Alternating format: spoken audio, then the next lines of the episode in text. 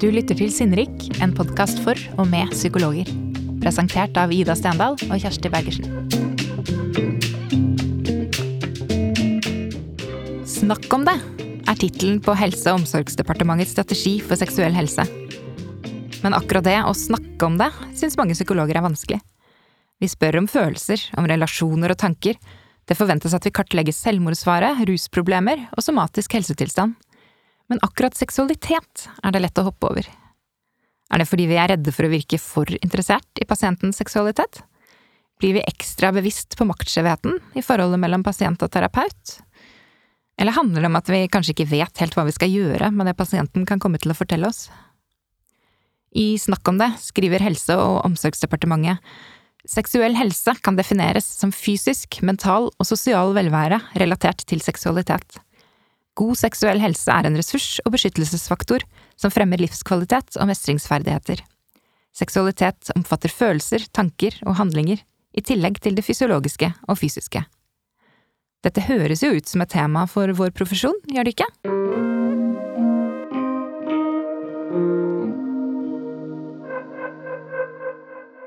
Denne episoden av Sinnrik har vi valgt å kalle Slapp av, det er bare sex. For vi må vel kunne snakke om sex, slik vi snakker om andre kompliserte temaer i livet? Med meg i studio har jeg Sissel Schaller, spesialist i klinisk psykologi og klinisk sexologi.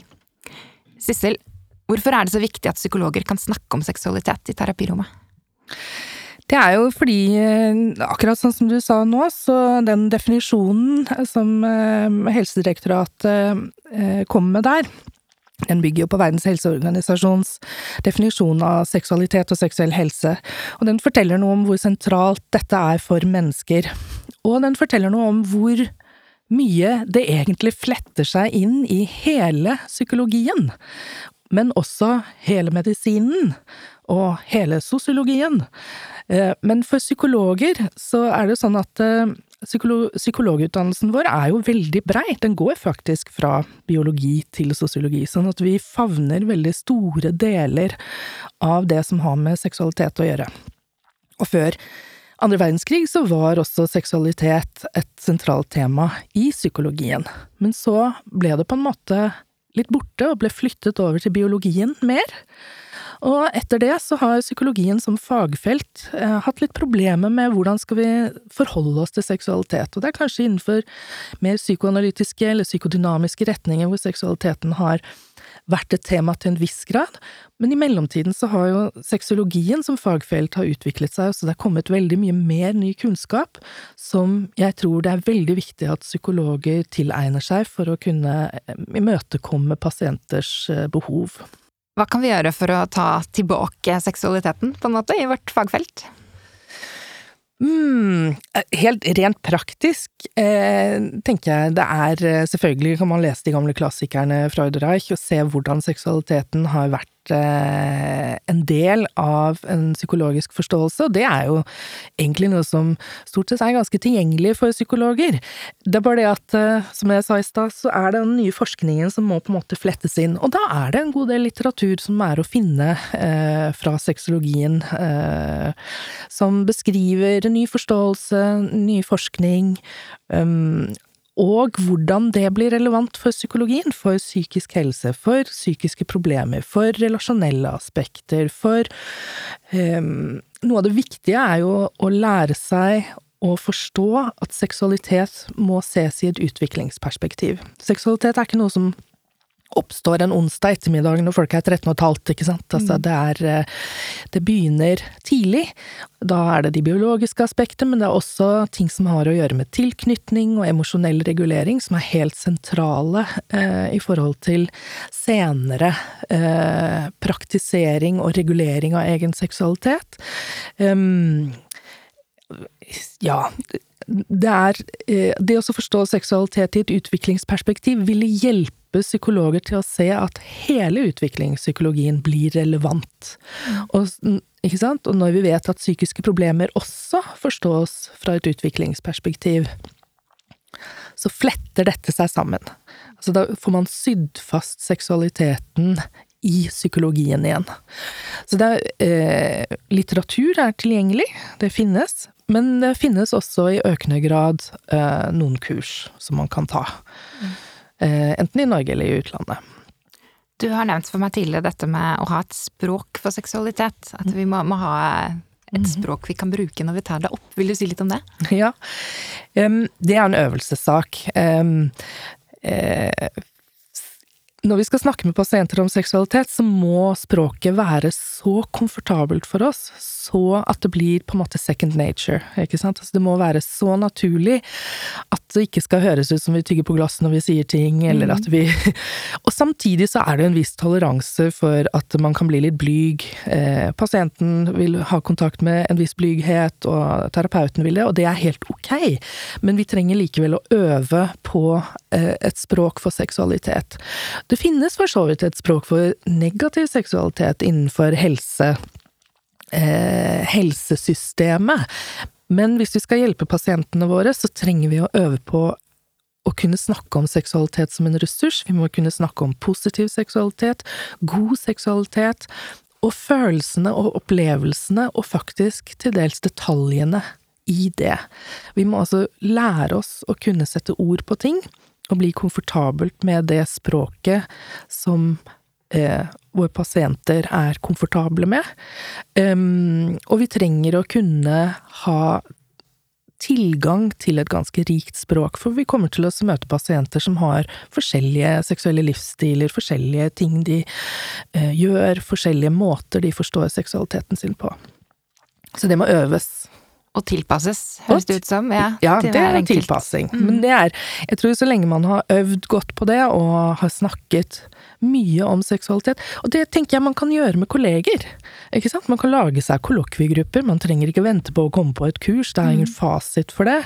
Um, fasiten er at eh, vi skal være inntonet, det er på en måte en grunnfasit eh, for oss psykologer, og vi må noen ganger hjelpe pasientene våre til å tørre å strekke oss litt lenger, ikke sant.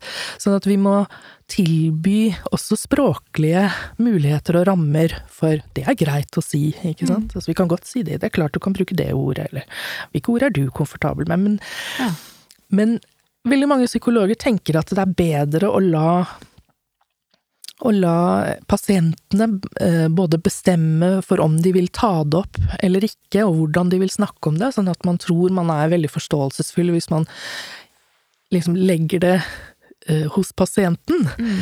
Men når det gjelder seksualitet, så er det såpass eh, farget og tabubelagt, og mye usikkerhet forbundet med det, at det egentlig i, i en litt sånn seksualpositiv forståelse blir litt uempatisk å la pasienten ta den risikoen, for det er en sosial risiko. Ja, ikke sant? At vi legger ansvaret på Ja. pasienten, at hun Ja. eller han tar det opp.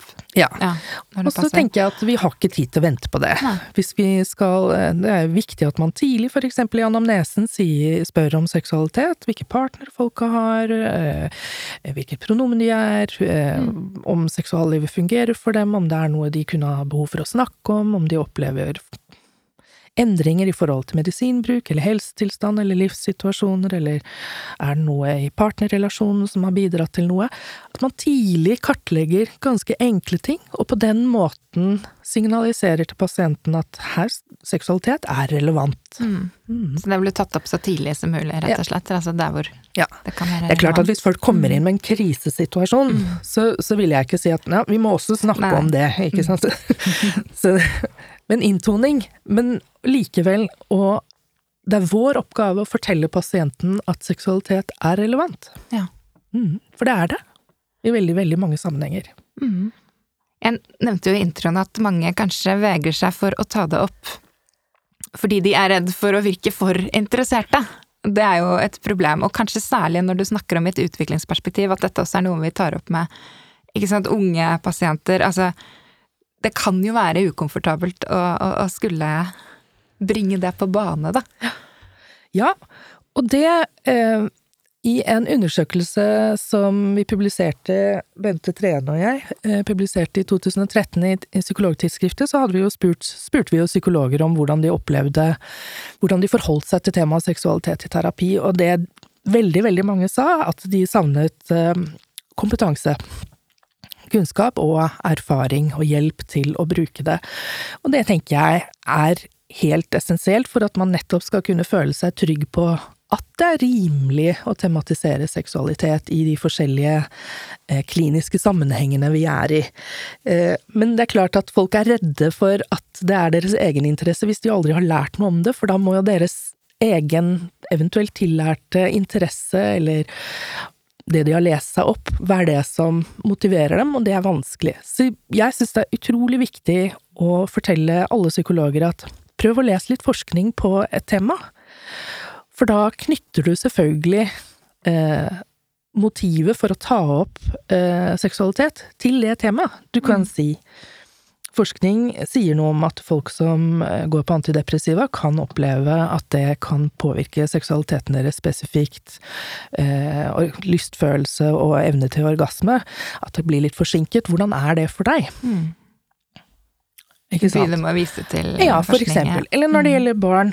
Um, nå er det jo slik at uh, barnet her er kartlagt med eksempel en utviklingsforstyrrelse, og det man vet er at uh, barn med ADHD kan ha visse, eksempel, kan ha visse reguleringsutfordringer, både i forhold til egne følelser og i forhold til sosiale forhold. Det vil kunne påvirke hvordan uh, de vil være i sosiale sammenhenger med andre barn seinere, og også i forhold til seksualitet. Mm. Så hvis jeg da hadde snakket med foreldre, så ville jeg sagt det er lurt å være litt frampå i forhold til det med å lære barnet hvordan man regulerer seg selv, og hvordan man forholder seg i sosiale situasjoner. Sånn at da går man inn og gjør noe med systemet, ikke sant. At man hjelper foreldre å forstå at man kan ikke vente til 13,5 eh, en onsdag ettermiddag til eh, ungdommen gjør noe, ikke sant. Og det er relevant i forhold til for eksempel utviklingsforstyrrelser hos barn. En del utviklingsforstyrrelser gir utfordringer, både konkret på seksualitet, men også i forhold til sekundære forhold som relasjoner, ikke sant, hvordan man leser man le, hvordan man leser det emosjonelle feltet i en relasjon, mm. eller ikke helt klarer å lese det. Ja. Seksualitet er jo et stort tema, og, og, du sier at det er fint å nevne det tidlig i et terapiforløp og vise at her er det rom for å snakke om dette. Eh, samtidig så er det jo ikke ett tema, men det er jo et perspektiv, som du sier. Og det kan gjøre seg relevant i veldig mange forskjellige sammenhenger. Nå nevnte du dette med utviklingsforstyrrelser. Eh, men det vil jo også være aktuelt f.eks. i parterapi, og du nevnte dette med i forbindelse med antidepressiva. Altså det, det er jo en tematikk som dukker opp i mange ulike kontekster. Kan du nevne noen og fortelle litt om hvordan du ville tatt opp? Ja, altså stort sett så er det eh, Ikke sant, det forutsetter jo at jeg har lest en del om dette, sånn at jeg vet noe om eh, hvordan seksualitet blir påvirket av de forskjellige eh, tilstandene vi er i, og, og, opplevelsene vi har, og erfaringene vi gjør, og hvordan det altså påvirker seksualiteten, sånn at vi vet noe om det. Og når jeg har lest meg opp på det Jeg skal gi noen litteraturtips på slutten her. Men når jeg har lest meg litt opp på det, så har jeg jo det med på en måte i en sånn ok, hvis det er eh, Hvis det dukker opp for eksempel at um, eh, Eh, eksempel demens, eh, så eh, vet vi at det vil kunne påvirke den emosjonelle siden i relasjonen, og det vil også påvirke relasjonens intimitet etter hvert. Og da vil det også påvirke seksualiteten. Og det kan godt hende at par som støter på dette her, vil, ikke sant, også er de kanskje ikke så unge heller, de er kanskje eldre, så blir man veldig opptatt av at nei, jeg har eldre seksualitet, skal jeg ta opp det, kanskje det blir feil, eller nå snakker vi om demens, nå er det veldig alvorlig, mm. eh, da blir det helt feil å ta opp seksualitet, for det er liksom bare jeg som er opptatt av det, eller fordi jeg er yngre, eller Men poenget er at det påvirker relasjonen deres, og høyst sannsynlig. Og før demens kanskje har kommet så langt, så blir man veldig opptatt av hvordan det blir mellom paret. Mm.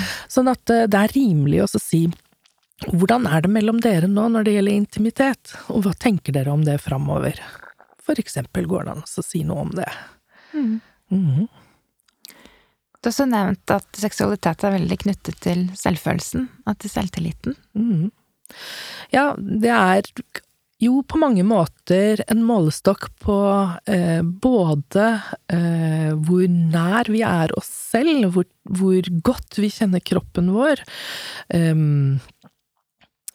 og hvor eh, hvor mye glede vi har av de eh, selvtilfredsstillende og selvregulerende eh, effektene seksualitet kan ha, men også hvordan, hvilken verdi vi har som elskbar eh, eller som seksuell partner i forhold til andre.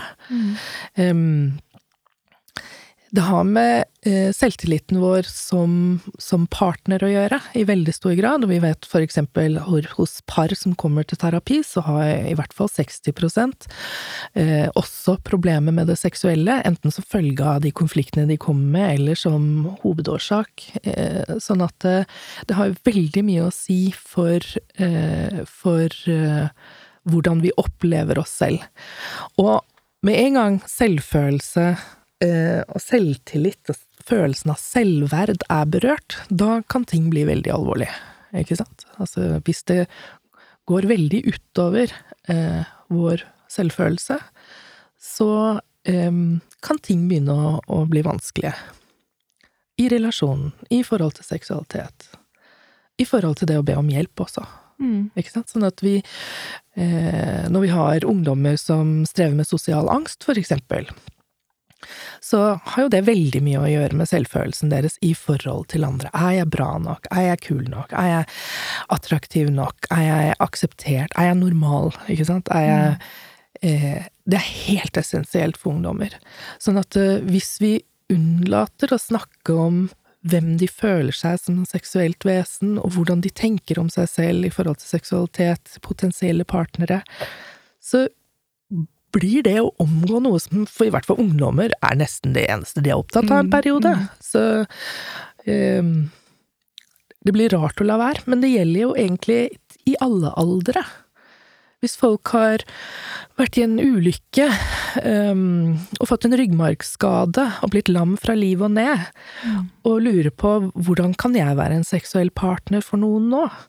Ikke sant? Det er ingen som vil ha meg som sitter i rullestol, for eksempel. Man må snakke om seksualitet da. Mm.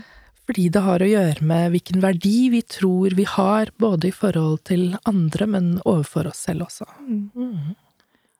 For Det har du også nevnt dette med at hvis man er i en veldig alvorlig livssituasjon, så er det lett kanskje for pasienten også å tenke at nå er sex noe trivielt. Jeg kan ikke vise at dette er noe jeg går og bekymrer meg for når hele livet mitt står på spill, liksom. Ja, ja. Nei, og det, og det, tror jeg også er Det er ganske eh, Og det er så interessant det du sier der, fordi det som skjer da i, i en mm. sånn situasjon med en psykolog eller en lege og en pasient, så skjer det Det foregår liksom en sånn uh, usynlig forhandling om hva er greit å snakke om her, ja. ikke sant? Så begge tygger litt på glass og er litt sånn går det an å si er det relevant eller ikke? Og det er klart at er det noe livstruende og veldig kritisk, så er det ikke sikkert at det er så relevant for pasienten akkurat da. Men man vet for eksempel at um, mens eh, må operere prostata, som har fått kreft eksempel, når det da oppstår sånne situasjoner Jeg har et par på kontoret hvor de har fortalt at idet de triller han inn på operasjonssalen, og hun må slippe taket i hånda mm. hans og si 'jeg ser deg etterpå', så får de på en måte i en bisetning høre at eh, jeg vet ikke om du har blitt informert om det, men det kan hende at du mister ereksjonen helt. Ja, ikke sant? Ikke sant? Og det er litt sånn eh, Ja, eh, man er jo bekymret, man vil gjerne bli kvitt kreften. Men i ettertid så har dette paret da, for eksempel, de har da fortalt at det var det var ordentlig, ordentlig skremmende å høre. Mm. Og en dyp sorg, ikke ja, sant? Altså, det er klart at med alle skader vi pådrar oss i livet, og med aldring og sånt, så trenger vi selvfølgelig å gå gjennom eh, en del prosesser hvor vi aksepterer endringer og må kanskje liksom gjøre litt sorgarbeid og finne nye måter å gjøre ting på. Mm. Eh, men, men på et eller annet tidspunkt, og helst ikke så langt ut i forløpet, så vil seksualitet være relevant. Og det er viktig å ta det opp på forhånd, for eksempel, sånn at man er informert. Akkurat når det gjelder kreft, så tenker jeg Kreftforeningen har eh, vært flinke på å trekke inn seksualitet som tema på mange områder, og bedre enn mange andre pasientforeninger. Ja. Mm. Men som psykolog så kan vi ikke overlate det til Kreftforeningen, vi må være med. Ja. Mm. Ja, for det er du opptatt av, at uh, dette er en jobb som vi som psykologer må ta. Dette er ikke noe vi kan henvise til eller legge over på andre. Nei, jeg mener mm. oppriktig at vi er ekstremt godt egnet til ja. å ta oss av det. Jeg syns at um, nettopp fordi vi favner både innsikt i biologiske forhold, i hvert fall til en viss grad, og i større sosiologiske, kulturelle forhold, så klarer vi å forstå ganske store deler av hvordan seksualitet blir påvirket. Og fordi at det er vi som faktisk snakker med pasienten litt lenger enn legebesøkende på et kvarter eller 20 minutter, så, eh, og fordi det har med selvbilde å gjøre, og fordi det har med følelser å gjøre, og fordi det har med relasjoner å gjøre, og egenverd og hele mm. hva som er viktig for oss, vår tilknytning til andre i voksen alder, Derfor er psykologer best egnet, også fordi at de aller fleste seksuelle problemer, selv om de har en biologisk årsak, vil likevel måtte løses ja, på psykologisk vis. Mm. Så vi er Dette er vårt Altså, her må vi Det er ikke snakk om å sno seg unna. Mm. Nei. Og da må, vi, da må, vi, ta litt takk selv, for dette er ikke noe man lærer noe særlig om på nei, utdannelsen. Nei, det begynner å komme en del enkeltstående kurs på de forskjellige profesjonsutdanningene, eh, og det er veldig fint. Men jeg har også forståelse for at universitetene, altså kurs, kursadministrasjonen, har utfordringer i å få plass til alt. Mm. Og det er vanskelig å få eh, fagfolk som kan mye om seksualitet på mange forskjellige områder, sånn at det vil nok ta litt tid før det er helintegrert eh, på de forskjellige profesjonsstudiene. Og det gjelder også medisin, eh, ikke bare psykologi. Mm. Men eh, det er eh, bare å sette i gang og lese, og bruke sin psykologiske kunnskap for å forstå det man leser, og så fins det noen kurs utenom som man kan ta. Mm. Det fins noen utdanninger i Sverige og Danmark, og også i Norge, etterutdanninger som det går an å ta. Eh, men jeg tror det er viktig å formidle til eh, ens ledere at dette er kompetanse vi må få inn. Mm. For det er jo vår fagvurdering som kan si noe om det. Og eh, Helsedirektoratet kommer til å pushe mer på at dette skal inn som kompetanse. Eh, sånn at eh, det er ikke noe vits for oss å vente på det. Psykologer er godt egnet, mm. men få opp kunnskapsnivået. Mm. Ja og begynn å snakke med kolleger om seksuelle temaer, og forlang av veiledere at de skal engasjere seg i det, ikke sant? Det å til nå så har man på en måte vært mest opptatt av å ha fokus på hvordan unngå at en psykolog begår overgrep. Mm. Som om det er det eneste fokuset. Altså det er helt opplagt at en psykolog eller en lege eller en helsepersonell eller omsorgspersonell ikke skal begå overgrep, men det er ikke der trykket ligger. Altså, Nei. vi skal bli komfortable med å snakke om seksualitet på en profesjonell måte, og den profesjonaliseringen kan vi sette i gang selv. Mm. Hvis du skal gi tre råd til psykologer som vil bli flinkere til å inkludere seksualitet som tema, mm. hva vil de tre rådene være? Ja Skal vi se uh, Lese seg opp. Helt opplagt. Um, Begynn å se på de, de, sakene dere har, og tenk på hvordan seksualitet er relevant der. og Snakk med kolleger om hvordan seksualitet blir relevant her. Det er ikke, det er ikke snakk om om det er relevant eller ikke, men på hvilken måte det er relevant. Og så tror jeg det er å tørre å begynne å snakke med pasienter. Pasienter vil, og det sier forskningen, vil at helsepersonell påtar seg ansvaret med å ta det opp. Det er sånn det får legitimitet. Så er det um, å gjøre et arbeid på å spa gjennom Jeg kaller det spa gjennom sine egne holdninger eh, til seksualitet. Fordi vi står jo selvfølgelig inne, innenfor den oppdragelsen og det, den eh, kulturelle forståelseshorisonten som vi er vokst opp i. Den preger jo hvilke verdier vi har, hvilke holdninger vi har, hvilke forestillinger vi har om hva seksualitet er, hvordan det kan komme til uttrykk, hva er riktig seksualitet, hva er ikke riktig seksualitet, hva er sunn seksualitet, hva er usunn seksualitet, hva kan man gjøre, hva er de forskjellige seksuelle uttrykkene uh, uttrykk for en, ikke sant, uh, vi har mye forestillinger om det. Og uh, det er litt sånn, hvis vi ikke har snakket mye med folk som har andre seksualitet eller seksuelle uttrykk enn det vi har, eller andre seksualiteter enn det vi selv har, så eh, mangler vi litt forståelse av hvordan det der ser ut. Og derfor så trenger vi å eksponere oss egentlig litt for andre eh, seksuelle uttrykk. Det kan vi gjøre ved å se på dokumentarfilmer, vi kan oppsøke eh, subkulturer, de har gjerne informasjonskvelder, eh, man kan lese seg opp om ting, eh, man trenger å interessere seg for det. Og man trenger, ikke sant, det trenger ikke handle om at å, nå skal jeg bli komfortabel med alle eh, helt aparte uttrykk for seksualitet som, som jeg syns er merkelig, men når, hvis vi har hvis vi får inn folk på kontoret som lever faktisk eh, i et BDSM-forhold, og de kommer inn fordi de har misnøye om maktubalanse i parforholdet deres, Altså, da lever de nok ikke helt eh, 24 eh, timer eh, som, som BDSM, men vi kan også få par som kommer inn med den type tematikk, hvor vi, er, hvor vi ikke automatisk kan anta at å ja, ok, men det de driver med seksuelt, det preger nok hele forløpet deres mm, mm. og relasjonen deres og problemene deres, og det er fordi de driver med den type seksualitet at de får disse problemene. Ikke sant?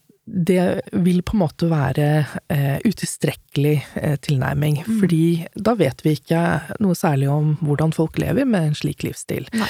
Eller folk som har flere partnere, som faktisk er begynt å bli mer vanlig, eller at folk opplever seg ikke som så veldig entydig tilhørende en, en, eh, et, eh, en, seksuelt, eh, en seksuell identitet som enten er det ene eller det andre. Um, og så kan vi selvfølgelig sitte litt sånn på avstand og se på det uh, på dokumentarfilmer, og så kan vi ha en litt sånn intellektualisert uh, refleksjon rundt det. Men jeg vil nok oppfordre folk til å prøve å gå litt nærmere. Mm. Eh, fordi vi trenger å utfordre holdningene våre. Vi trenger å legge merke til hva det gjør med oss. Og hvis det gjør med oss at vi har lyst til å bøye av, ja, da er det et lite neonskilt på at hm, ja, spar litt rundt i det. Ta det mm. med til egenanalyse eller veiledning eller noe sånt. Jeg har jeg jeg får litt problemer når jeg får par på besøk hvor han er veldig frampå og hun er veldig tilbakeholden, og han sier at hun ikke vil ha sex, og, han, og hun sier at han vil alltid ha sex. Og da har jeg en tendens til å side veldig mye med dama, mm. for eksempel. Se litt på hva handler det om. Mm. Eh, vi er, ikke sant? Så vi er nødt til å bare utfordre oss litt på det. Mm. Og det er en kontinuerlig prosess. Selv om jeg har jobbet 20 år med dette her, så må jeg fortsatt spa gjennom med, med jevne mellomrom, og jeg trenger å diskutere disse tingene og mine egne holdninger òg. mm. Så det er ikke noe du har gjort én gang, eh, når du er en ung psykolog og har hørt på Juntafil og tenker at alt er greit. mm. Dette er kontinuerlig arbeid. På samme måte som vi jo skal gjennomarbeide når vi jobber med folk som driver med rus, som mm. driver med prostitusjon, som driver med selvmordsproblematikk, som mm. har alkoholproblemer, som er psykotiske, som utøver vold, ikke sant. Mm. Altså, vi er mm. nødt til å bli konfrontert med hva gjør det med oss. Ja, ikke sant. For er et, seksualitet er et tema på ja. linje med alle andre temaer vi må forholde oss til og holde Nettopp. oss oppdaterte på. Ja. Mm. ja. ja. Da har i hvert fall jeg blitt litt klokere. Tusen takk for at du kom, Cecil. Takk skal du ha. Du har hørt en episode av Sinnrik, en podkast fra Gyllendal Psykologi. Dagens gjest var Sissel Schaller. Produsent for episoden var Andrea Krüger. Og musikken er laget av Johannes Amble. Programleder har vært meg, Kjersti Bergersen. En liste over artikler som nevnes i episoden, finner du på sinnrik.no. Takk for at du hørte på.